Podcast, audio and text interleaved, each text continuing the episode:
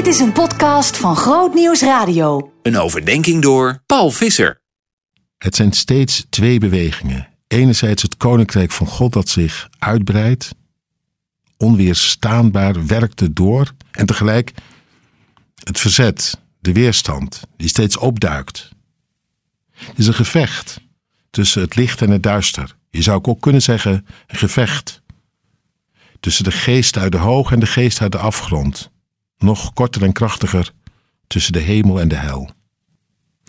We lezen het negende hoofdstuk, naar dat prachtige achtste hoofdstuk, waarin er, ja, zoveel mensen tot geloof komen en de blijdschap doorbreekt, ook in Samaria en ook bij die man uit Ethiopië. We lezen ineens in het negende hoofdstuk het volgende. Intussen bedreigde Saulus de leerlingen van de Heer nog steeds met de dood. Hij ging naar de hoge priester met het verzoek hem aanbevelingsbrieven mee te geven voor de synagoge in Damascus, opdat hij de aanhangers van de weg, de weg van Jezus, die hij daar zou aantreffen, mannen zowel als vrouwen, gevangen kon nemen en kon meevoeren naar Jeruzalem.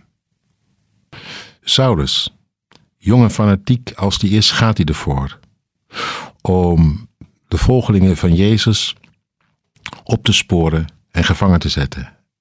En daarmee de gemeente van Christus met wortel en tak uit te roeien. Hij heeft zelfs nu een vrijbrief gekregen om in het Damascus zijn slag te slaan. Mensen op te sporen die tot bekering zijn gekomen. Er is geen houden aan. Ondanks alles wat hij heeft gezien.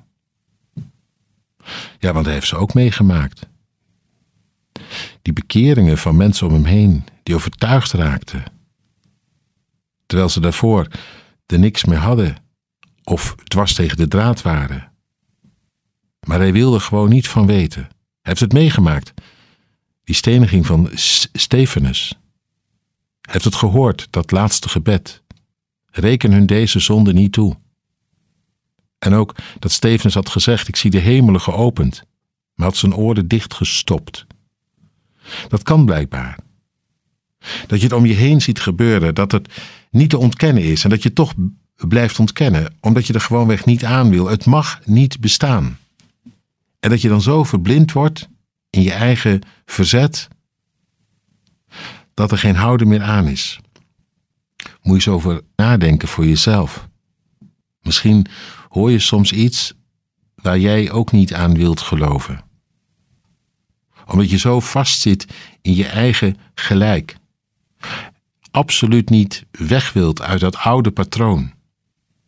En hoe je dan in, staat bent om het van je af te houden, het weg te duwen, het te ontkennen, dwars door alles heen te gaan.